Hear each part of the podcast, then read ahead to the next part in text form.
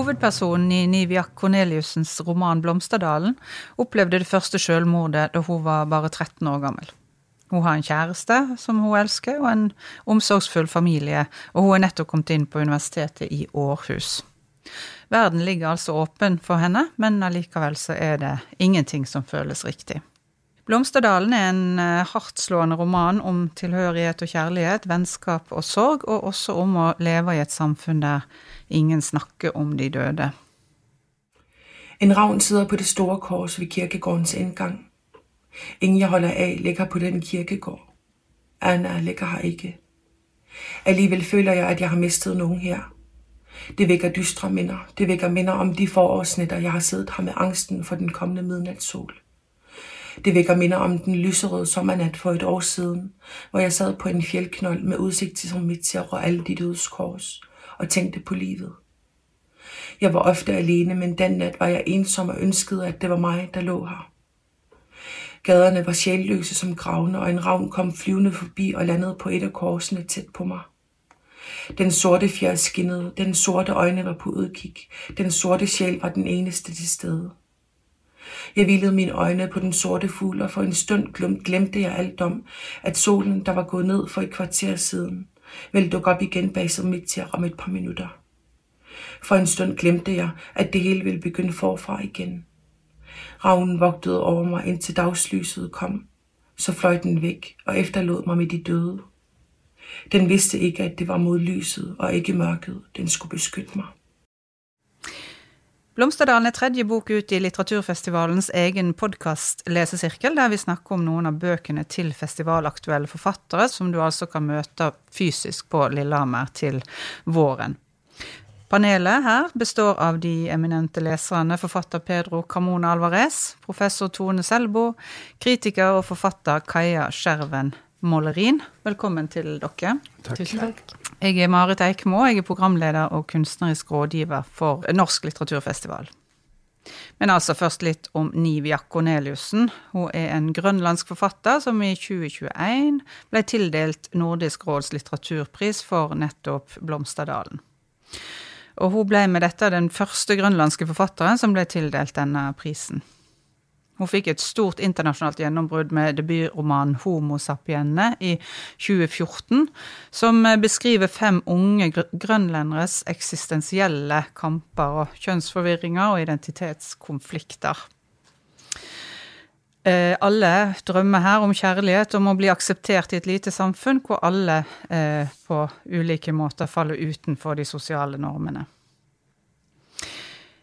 I fjor så snakka eh, vi her i podkasten om, om, tvangsadopsjon av grønlandske barn på 60-tallet, når vi tok for oss Iben Mondrups roman 'Tabita'. Og dette her eh, er et he, ganske annerledes Grønland vi møter når vi eh, leser 'Blomsterdalen' eh, av Korneliussen, Tone.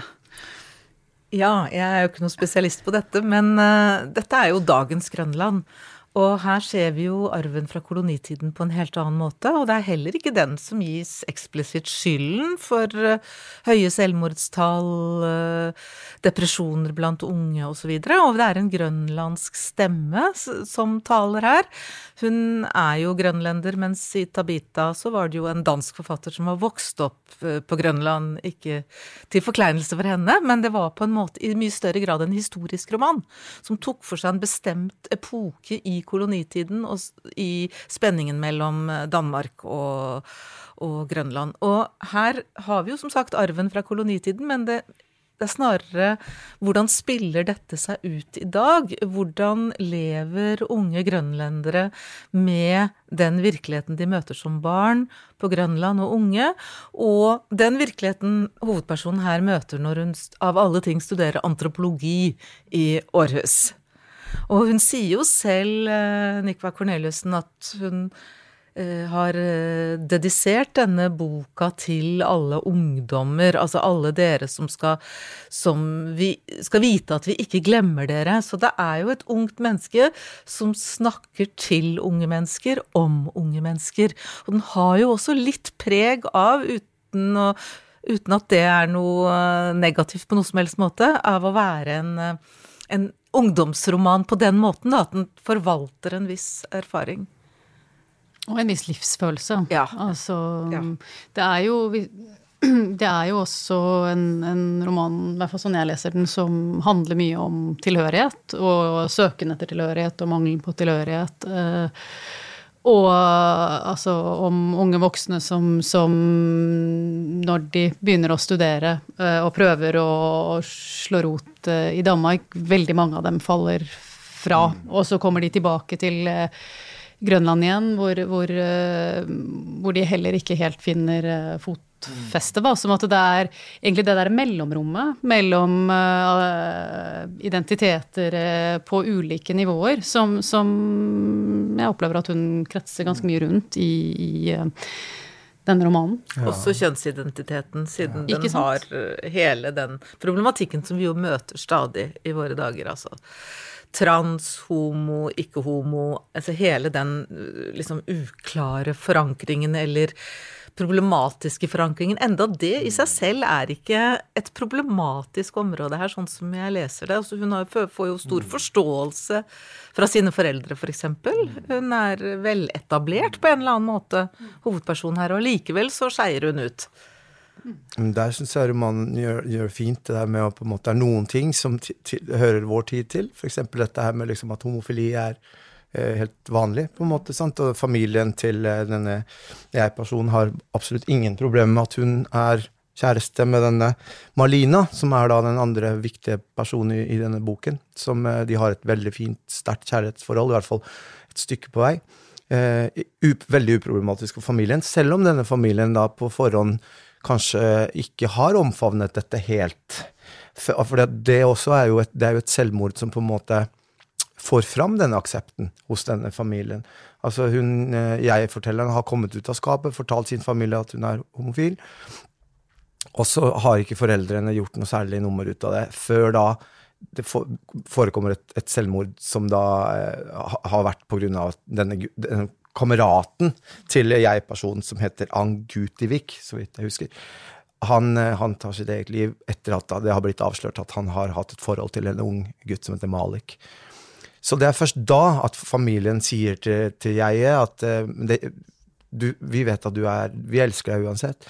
Det at den biten av historien på en måte er uproblematisk, samtidig som det andre tingen med, med altså, dette med Når hun kommer til Danmark og, og blir altså ja, får dette her blikket på samme at alle grønlendere er, er fylliker, f.eks. Liksom. Som da er liksom Det er andre, andre mekanismer som, som vedvarer, da. eh, fra, fra fortida, på en måte.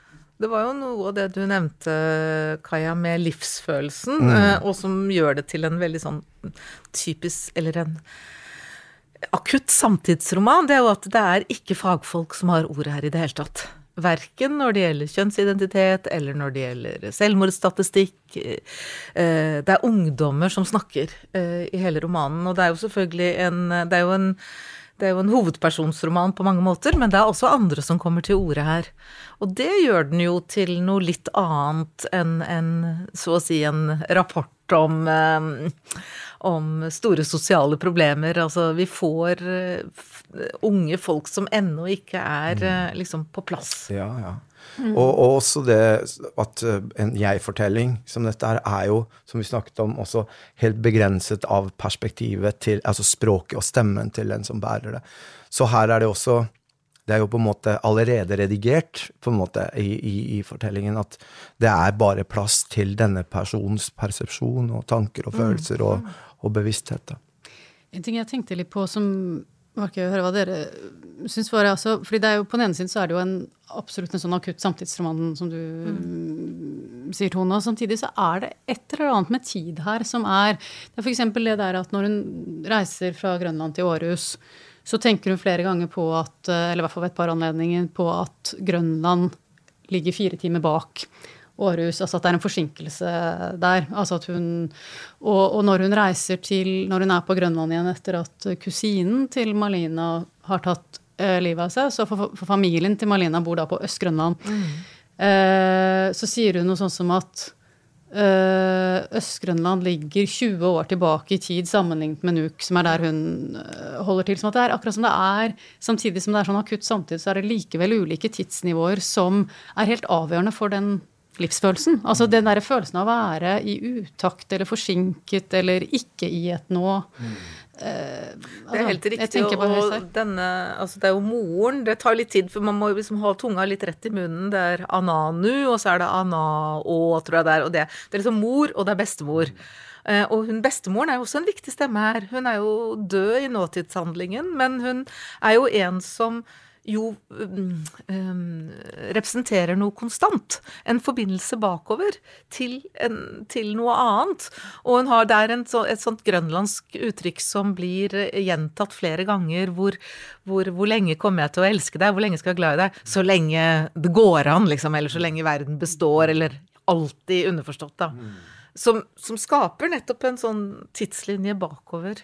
Ja, hun sier vel faktisk også, tror jeg, på et tidspunkt at hun har følt seg hjemløs siden bestemoren døde. Mm. Uh, og det er en sånn, syns jeg, noe av det, de mest rørende scenene egentlig i, i, romanen, når hun har kommet til, til uh, Øst-Grønland og er der. Det er litt sånn uklart akkurat hvor lenge de er der, men iallfall noen dager, kanskje en uke eller to, uh, i, i, forbindelse med denne kusinens dødsfall.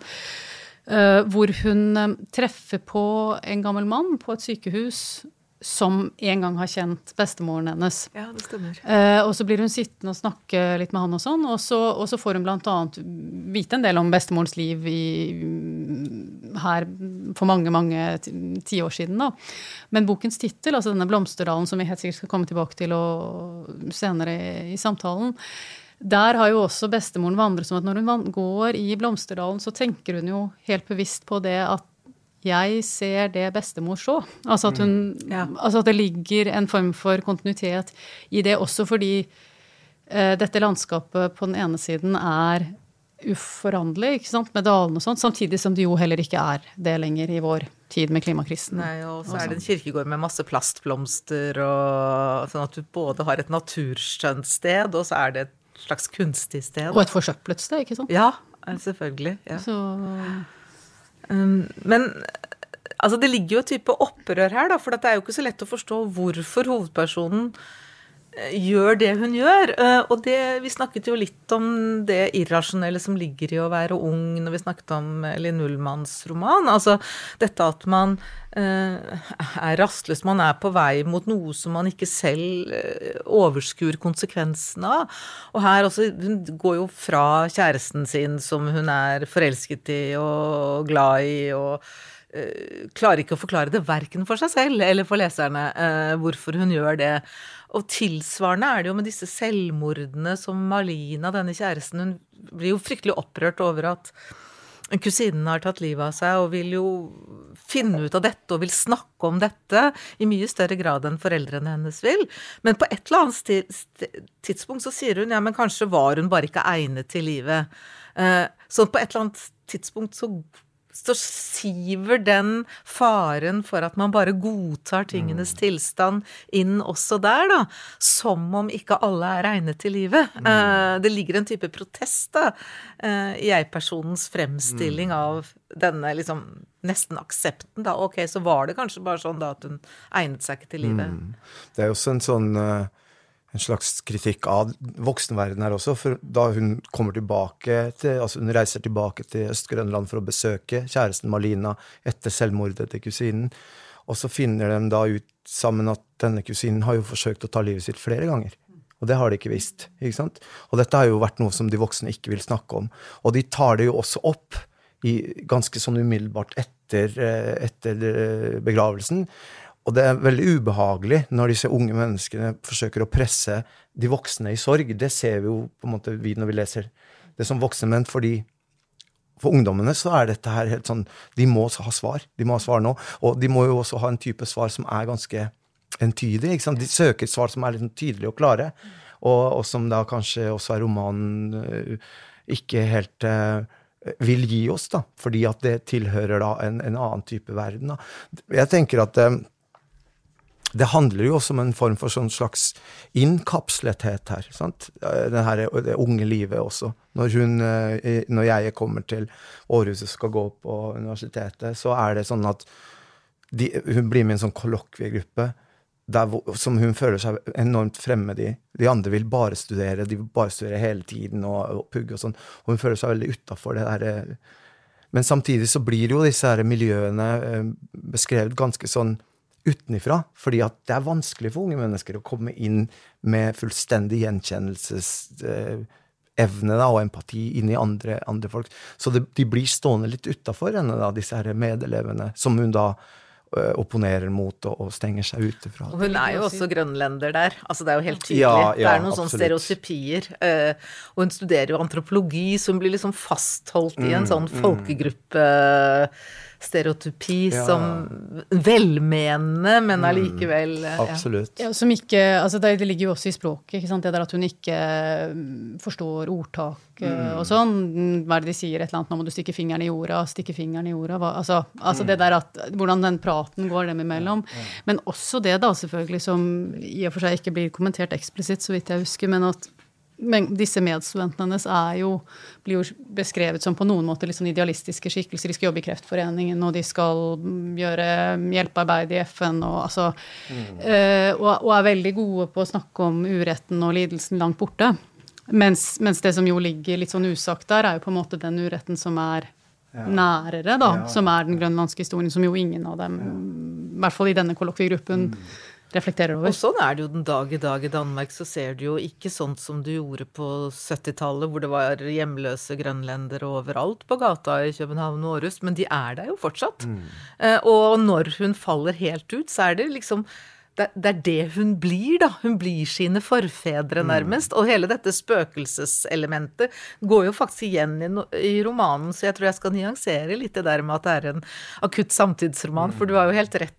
Kaja, i at det ligger en sånn veldig sterk linje tilbake til liksom forfedrene, som i en viss forstand går igjen også.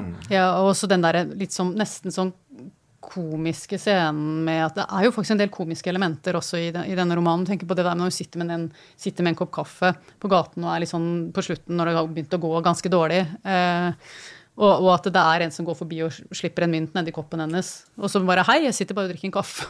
Hva, gjør du med kaffen min? Altså, eh, det, det, er en, sant, det er jo en scene som, som er veldig ladet, fordi det er jo nettopp litt det derre urbildet av den grønlandske hjemløse Ja, og samtidig så er det jo ikke sånn at kolonitiden blir en tilstrekkelig forklaring. Det er ikke sånn at hun sier at det er fordi at Grønland har vært kolonisert at vi nå befinner oss i denne situasjonen. Eller at jeg befinner meg i denne situasjonen i Danmark. Det er jo ikke en psykologisk realisme her. eh, Sånn at det gjør jo boka mer interessant enn den ellers ville vært. At den, den fordeler ikke, den sier ikke fordi A så B. Den peker på en hel del mulige forklaringer uten å sette so to streker under svaret. Da. Og egentlig nesten sånn synes jeg, Delvis sånn som det skildres med i, i forhold til jeg-fortelleren, men også enkelte andre skikkelser, er at det der med at, at det kan komme noen sånn skjebnesvangre øyeblikk i et liv hvor man gjør noe uforståelig. Altså noe totalt selvdestruktivt mot seg selv, som enten som det å ta livet av seg, men også det at du kan, at du kan gjøre noe som blir så ga- ga- For henne, da, med som dette start, Det rakner jo når hun gjør, går fra kjæresten og sånn. Men at du kan gjøre noe som, hvor det føles som om det ikke er noen vei tilbake. At det eneste du kan gjøre, er egentlig bare å ødelegge mer. Ja, og der kommer jo den sterke selvforakten inn. Hun anklager seg jo selv. Jeg er ikke verdt å elske. Jeg er ingen som noen kan være glad i. Enda hun har jo mange som er glad i henne. Så det der forsterk skrus jo til, da. Men det har jo også litt med Når vi snakket om Linn Ullmann sin roman, som handler dette med avstand, og hvordan ting forandrer seg etter hvert som tiden går. Og det er jo helt åpenbart at her også så er det Altså når hun først Når hun kommer til Århus, så er hun jo utro mot kjæresten sin.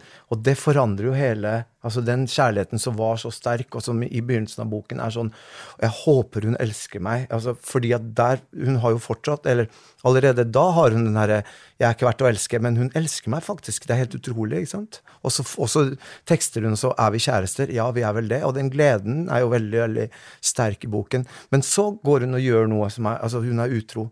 Og da forandres jo også etter, etter forholdet til den, til den kjæresten.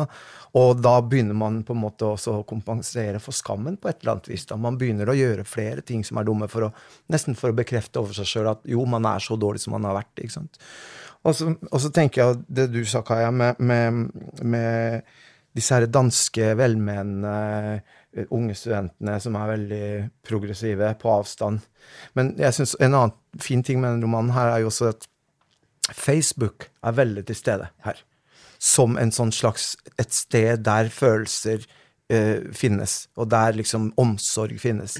Eh, til en viss grad, liksom. Eller hun eh, forsøker jo også å, å prøve å se gjennom disse tingene og, og sånn, men Facebook er liksom stedet der ungdommen går med sine, sin oppblåste retorikk og sin Altså, det det er et språk som altså, hva, hva, gjør ungdommen med sorg, på en måte? Jo, det er liksom inspirational quotes. Ja, ja, men det er. Og den typen sånn klisjeer som vi voksne tenker på. Da, som, som, hun jo gjengir hele tiden ja, i romanen. Og, og ambivalent til, ikke sant. Ja, ja fordi er, Facebook er jo jeg skulle si at Facebook er jo også en leverandør av setninger her. Mm. Som er nettopp bare ja, sånn ja. 'happiness is a choice', uh, 'what goes around comes around', og altså Helt bokstavelig talt. ja, ja, ja, det, det, er jo det. Og det, for så vidt også det 'happiness is a choice'. Det er jo mm. sånn, sånn, hun lever et, etter, egentlig. Mm. Som at det er noe sånn Ja, men ja. Det blir liksom både et mulighetsrom, men også et sånt ekkokammer som hun ikke mm. kommer ut av. Så, så, hun blir liksom fanget i disse mm. klisjeene som jo ikke hjelper henne, tross alt. da.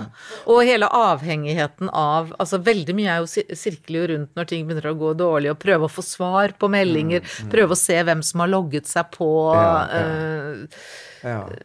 få nettilgang fordi at uh, hun ikke lenger kan betale for sin egen nettilgang, altså den type ting. Og at den formen for nærhet som nettet og Facebook og liksom det å være påkoblet med venner, som jo er en omgangsform så helt åpenbart er viktig for unge folk, da, at den heller ikke er nok ikke sant, til å oppfylle det savnet av, av, noe annet som også finnes da i, i boken. Jeg mener, Når hun går i Blomsterdalen, eh, en av de gangene hun går i Blomsterdalen, så, så, så går hun med Google Maps. Mm. Og at hun ser på skjermen hvor hun går, i stedet mm. for å på en måte bare gå der. Mm. Eh, og det er jo litt sånn det samme, å velge bort den virkelige verden du står i, mm. eh, for, til fordel for liksom, skjermen, da. Ja, ja. Måte, eller at det blir litt sånn Hva er virkeligst? er vel også en problematikk her.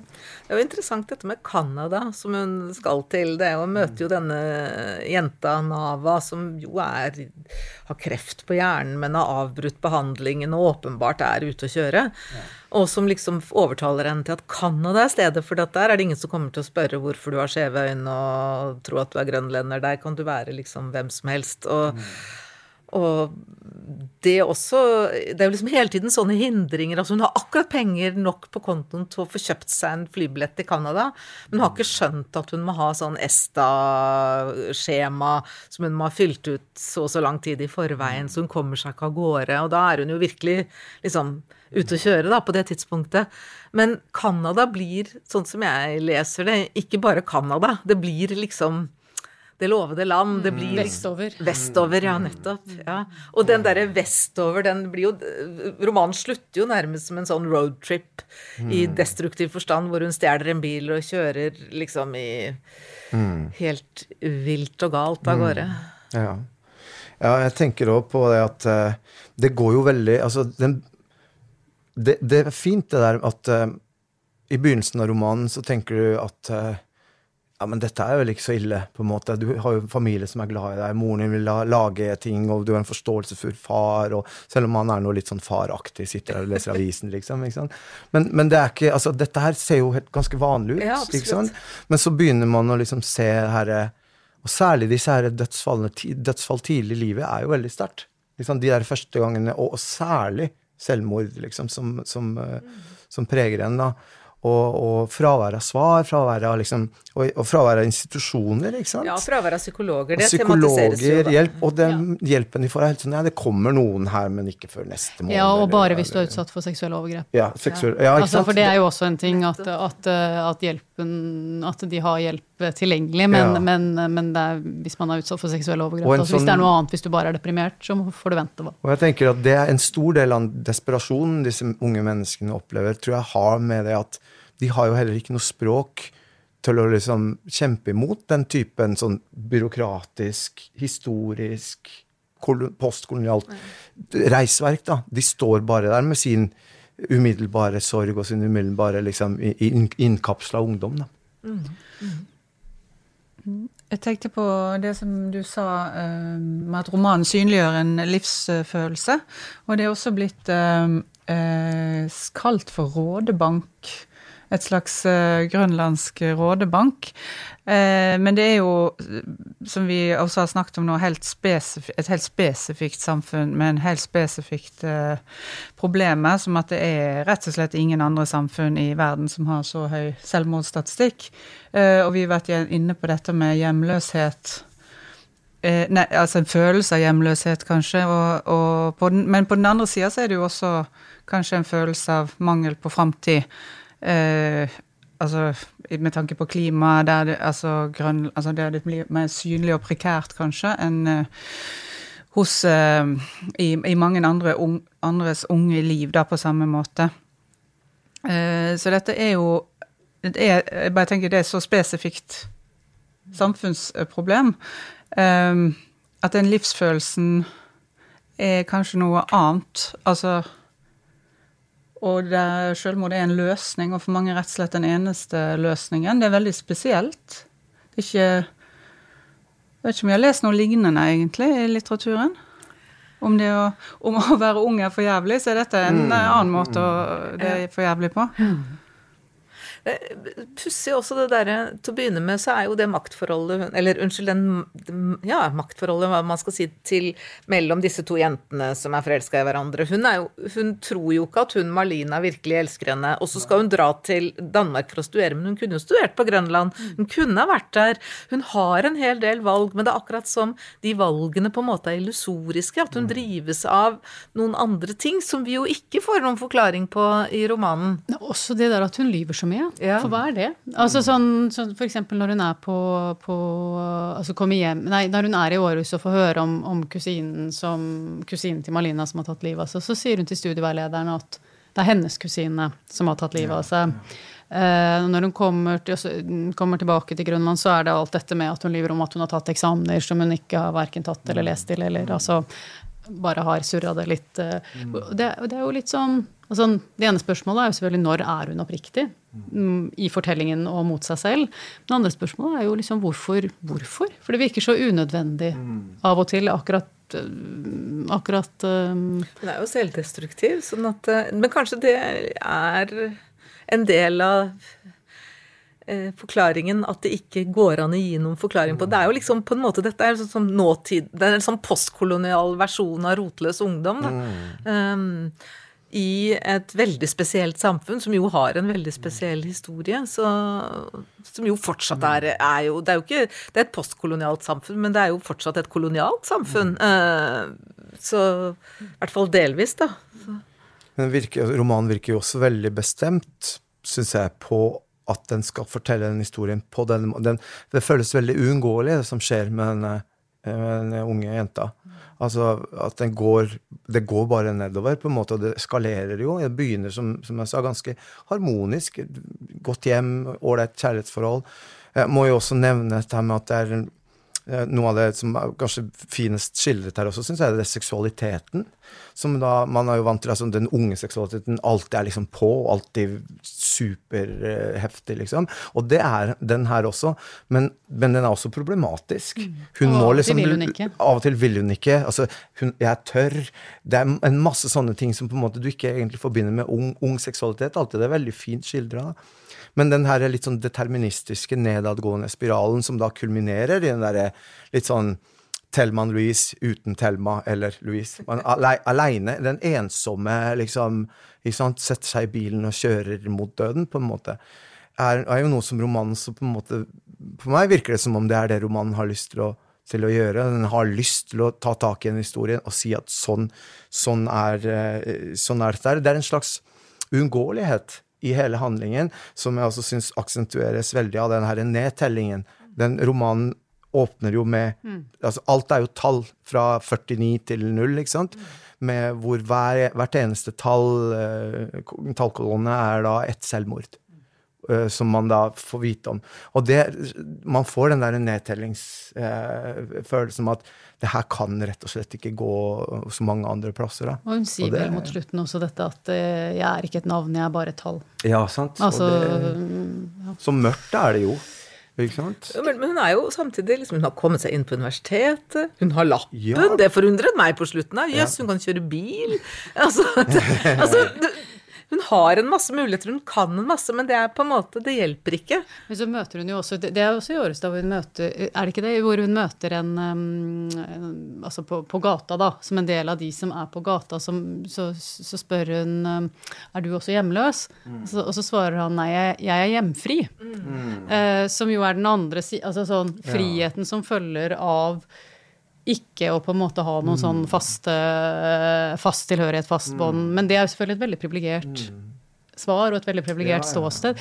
Men jeg bare, bare si også det når du sa dette med seksualitet i sted, Pedro, og jeg tror det henger litt sammen med det du spurte om innledningsvis, Marit, det med det spesifikke. fordi For meg så er dette også en bok som Det er utrolig mange lukter. Den er mm. veldig konkret og sanselig. Og én ting er sånn lukten av søvn og sex og promp og alle de der kroppslige tingene som det er, står veldig mye om her. Men også sånn skyllemiddelet til moren, sykehjemmet uh, der de bes, mm. altså, mm, I Øst-Grønland er det mm. Det er noe sånn hva skal jeg si, stedspesifikke mm. lukter som, som, som, denne boken mm. uh, har veldig mye av, da. Mm. Og som, som, lukten av hjemme. Ja. og så har den jo noen barndomserindringer som plutselig presser seg på, sånn som da hun blir forlatt på denne lille øya fordi det blir Eh, altså det går fra lavvann til høyvann, og så blir hun sittende og fått beskjed om at hun ikke får lov å leke i fjæra, og så blir hun sittende på noe som da blir en liten øy, må vente til det blir lavvann igjen, og, og da er det Men fordi hun har sine grønne gummistøvler, så holder hun seg sånn noenlunde tørr, men men hun blir jo forlatt av moren. Ehm, det er i hvert fall den opplevelsen hun skildrer. Så en sånn fundamental følelse av hjemløshet. Eh, og stedvillighet. Vi snakket jo om, om ja, Linn Ullmanns ja, ja. roman og stedvilligheten i den. For altså, det er jo også noen skildringer av Altså at hun går seg bort til København. For, for eksempel også le søsteren hennes av at herregud, du var jo bare 100 meter fra hotellet, og så fant du ikke frem. Altså, mm. altså, så det ligger der jo også veldig tidlig, og en episode fra Berlin hvor hun har gått seg bort, og at uh, ingen skjønner hvordan hun skal klare seg i Århus. Mm. Jeg tenker også at eh, det, det er jo ofte sånn at selvmordet er jo på en måte en såpass radikal gest. ikke sant? At det er, det er jo så mye av det som er uh, som, er, som, som, ikke er forståelig for de som blir igjen. Og det er, jo også, som du sier, hun har jo masse muligheter. Hun er jo altså ikke sant, det, også, og likevel så sitter vi igjen med en sånn følelse av at det er en stor gåte her som, som, som nettopp er helt blankt. Da. Du, du, aner ikke. Men du kunne ha valgt noe annet. Det kunne ha gått, du kunne bare snakket om ikke sant?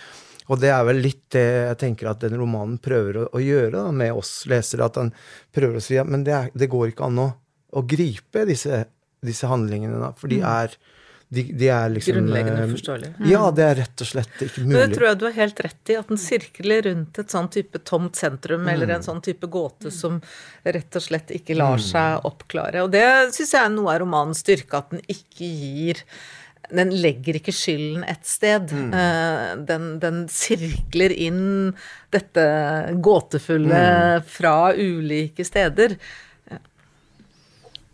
Eh, jeg tenkte også at med språket, hvis dere kunne si litt om det. For det er jo, hun skildrer jo, som du var inne på, også det er et liberalt samfunn. Mm. Som vi får innblikk i gjennom de seksuelle skildringene her. Og hva vil dere si en såpass dyster tematikk? Hvordan er språket Nei, jeg syns språket i denne boka her er ganske eh, Hvis man tenker på at det er, menneske, det er et ungt menneske sitt språk, så er det et godt språk eh, det er formidla gjennom. Det er et veldig enkelt språk. Um, synes jeg. Eh, hvis, du, altså, hvis, man skal se rent teknisk på det, som jeg ofte gjør, så, så, er det sånn at veldig mange av setningene har akkurat samme konstruksjon. Det er ofte sånn subjekt-verbal konstruksjon. Sånn, det er, jeg kommer, klokken er, håret er, sånn, jeg ser, de står. Det er veldig, veldig sånn Veldig enkelt, enkelt språk. Og ofte så er jo også, det reflekterer også det språket enkelheten, eller behovet for enkelhet og for tydelighet i svarene. De erkjennelsene som, som disse menneskene kommer til, er ofte ganske enkle i den grad at Men de er enkle fordi at unge mennesker trenger tydelighet for å få grep om verden, tenker jeg. liksom. Og så plutselig så står det ja, nå vil jeg ikke lenger vite hvorfor hun tok livet av seg. Familien har allerede glemt det. Og så sitter vi og vet at det er jo ikke sant. Det er ikke sant for familien, men det er sant for blikket til, til personene.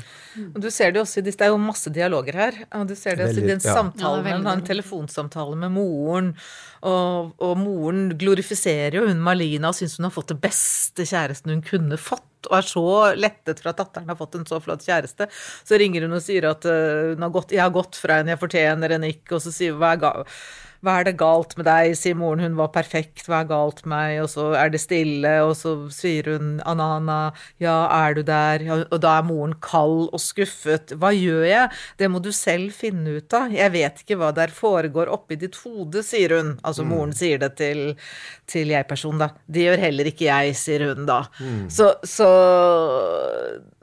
hun forstår ikke hva som foregår med henne, hun har ikke egentlig noe språk til å forklare det, ikke sant?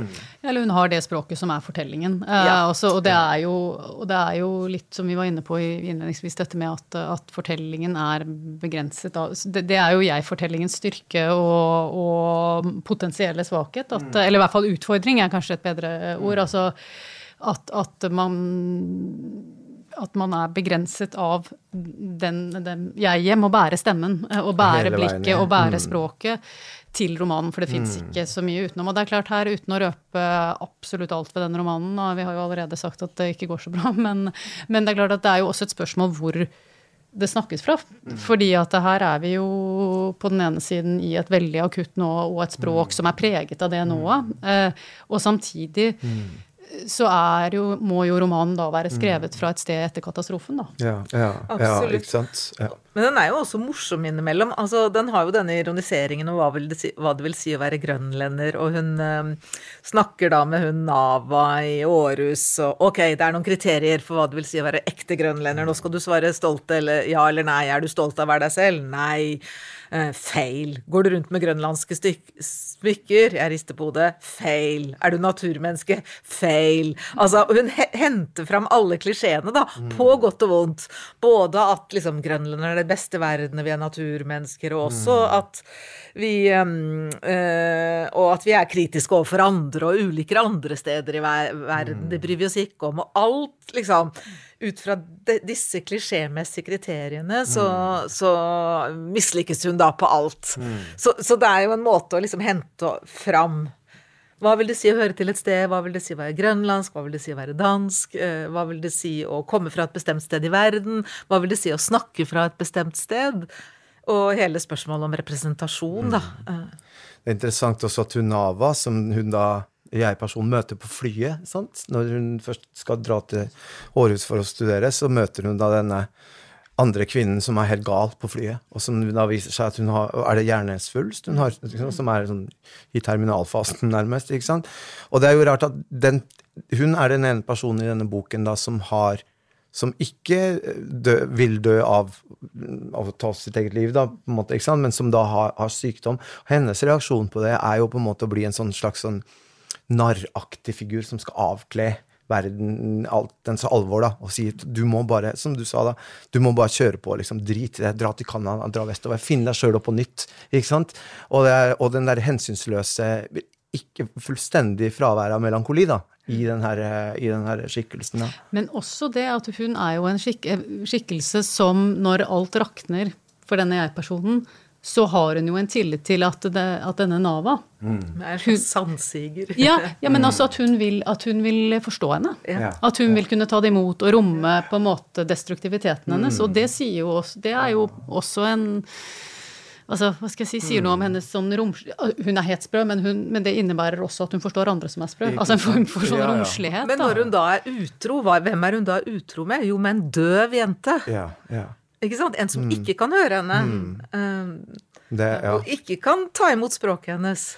Og en annen ting kan jeg bare skyte inn, i forhold til det med språket. eh, Det er jo også fordi den det er det, det er det ungdommelige, men det er jo samtidig også tenke på denne ravnen som boken starter med. Det er jo noen sånn erkelitterære symboler som går igjen i boken, som det start, altså start, hvor hun er på kirkegården, altså ser en ravn på kirkegården, som dukker opp igjen på slutten av uh, boken. Og vi snakket om uh, fuglen som en form for sånn på, et bilde på erindring i både Ali Smiths og, og, og um, Linn Ullmanns uh, bok. Her er jo altså fuglen eller ravnen mm. som, som, omen.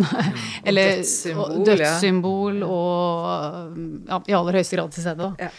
men er det ikke også det, altså, denne bestemoren som hun har denne tilknytningen til er ikke, Sier ikke hun den der uh, 'Hvor lenge vil du elske meg?' til ravnene blir hvite? Er det ikke det hun sier? At det er på en måte til til Altså, det betyr Altså, ja, så lenge, så, så lenge som ja. mulig, på en måte. Ja. Og denne fuglen ligger jo i Ravnefjellet. Ja, eh, altså, så det er jo noen sånne Men nå tenk på det nå når vi snakker sammen, at den der, alle de, de relasjonene som virkelig er, betyr noe her, er enten da med et menneske som skal dø, som, enten, som har dødd, eller som da tilhører en annen generasjon. Den bestemoren åpenbart er et sånt savn i livet. da. Når du, du har skippa en generasjon og gått tilbake liksom, til liksom, besteforeldrenes tid. da. Men også til den derre storrøykende mannen som driver og hoster opp lungene sine liksom, oppi en bøtte med spytt. ikke sant? Som da også er en sånn slags portal til til noe annet, da, til en annen type uh, forankring, kanskje. et eller annet. Og det må jeg også si sånn, det, jeg har sjelden lest en bok eller veldig lenge siden jeg har lest en bok hvor det røykes så mye. Hun røyker jo hele tiden. Og det òg er liksom Du får sånn her røyke sånn Røykesug? Ja, nei, ja, men sånn, det lukter, Apropos luktene, som ja. du nevnte, at det lukter liksom mye røyk, da. Ja. Og det er fordøyelse, fordøyelsesproblemer, og ja, det er veldig mye av det òg. Ja, sant. Det er mye lukt. ja. Mm. Um, hun skriver jo altså i en uh, veldig tilgjengelig, som vi har vært innom, tilgjengelig populært i en, ja, en realistisk uh, tradisjon som når ut til veldig mange unge. Da. Altså Niviak Korneliussen har vært og er veldig viktig uh, for de unge på Grønland. Uh, og, og, sånn så kan man også si at hun løfter fram og holder viktige samfunnsspørsmål uh, levende gjennom litteraturen. Og det vel, gikk hun vel også ganske langt i å si i sin takketale til Nordisk råds litteraturpris, at hun, um, hun skriver om det som politikerne uh, tier om. å bruke litteraturen, eller å skrive litteratur på den måten, har vi noen som vi tenker um, liggende på henne, f.eks. i Norge? Jeg tenkte bare, som et apropos, hvis jeg kan svare på mm. noe annet først. Det er bare det du sa med det med, altså at hun skriver om uh, ting som politikerne ikke skriver om. Altså for, vi snakket om dette som et litt sånn liberalt uh, samfunn, men det, jeg, jeg, lurer jo litt på altså, hvor liberalt er det egentlig? Altså for, det kan vi jo snakke om i, i vår tid også. Altså hvor dypt stikker aksepten når det kommer til stykket for, for uh, folk med en annen seksualitet, altså med et, uh, en annen kjønnsidentitet En, altså Debattene raser jo i spaltene her, uh, her til lands uh, også. Sånn at, liksom, det tenker jeg jo er også et spørsmål. Kanskje den, at det som blir tatt for gitt i denne romanen fra denne personens blikk, er kanskje ikke et, et blikk som, som som er det gjengse blikket på, på disse skikkelsene. I, I, dette vet jeg ikke noe om, men jeg bare Og, og et sted vi ser det, er jo fortielsen, som du var inne på, Pedro. At det er jo så åpenbart at det er så veldig mye de ikke vil snakke om. Det er en del ting som aksepteres. Men, så lenge de slipper å bli utsatt ja, for det. Ja. At med en gang det blir synlig og man blir utsatt for det, så sånn som da det, denne historien Det er jo ikke så mange år tilbake i tid at han Angutivik blir Eh, blir, eh, nei, tar livet av seg fordi det blir avslørt at han har, at han har Ja. Mm. Det er jo ikke så mange år til bak i tid i historien. Det er jo Er det en ti år, eller? Mm. Altså. Mm. Sånn at Ja. Men det er klart, dette med å sette problemer under debatt er det vel en del eh, Det er det jo flere forfattere som gjør, som gjør, uten at man trenger å direkte sammenligne dem med Corneliussen. Man kunne vel si at at Olaug Nilsen f.eks. er en forfatter som har satt helt konkrete problemer under debatt mm. med, med eh, tungtidstale, mm. særlig, kanskje. Mm.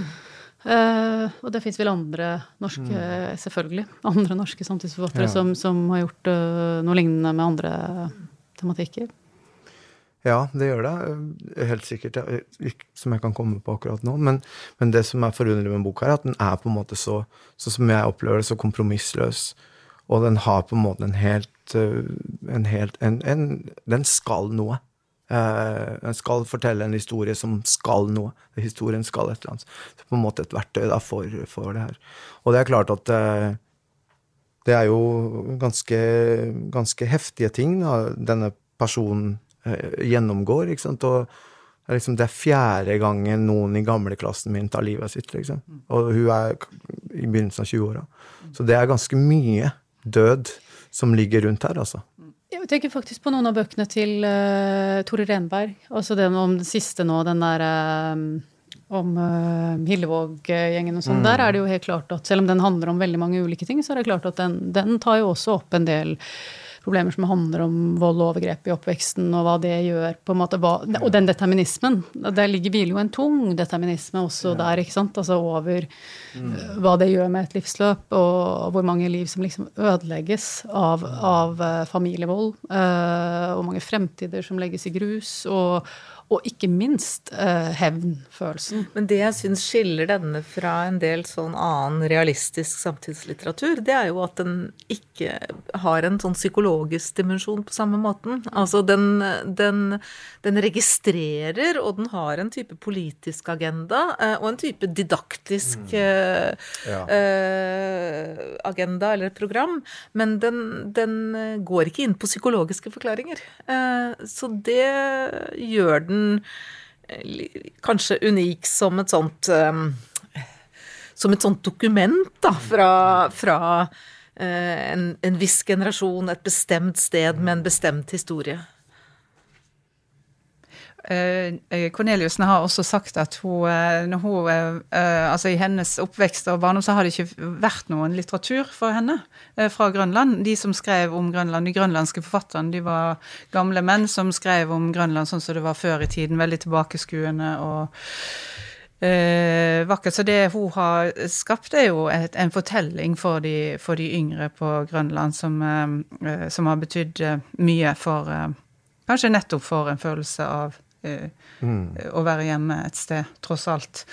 Eh, på litteraturfestivalen på Lillehammer så skal Nivek være til stede på mange programposter, og det, hun er veldig sterkt også på eh, scenen, så det gleder vi oss til. Og tusen takk for eh, praten. Takk.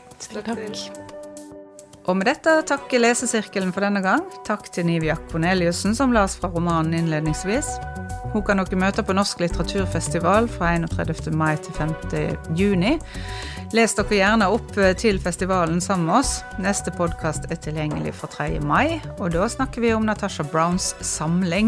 Se fullstendig leseliste på litteraturfestival.no.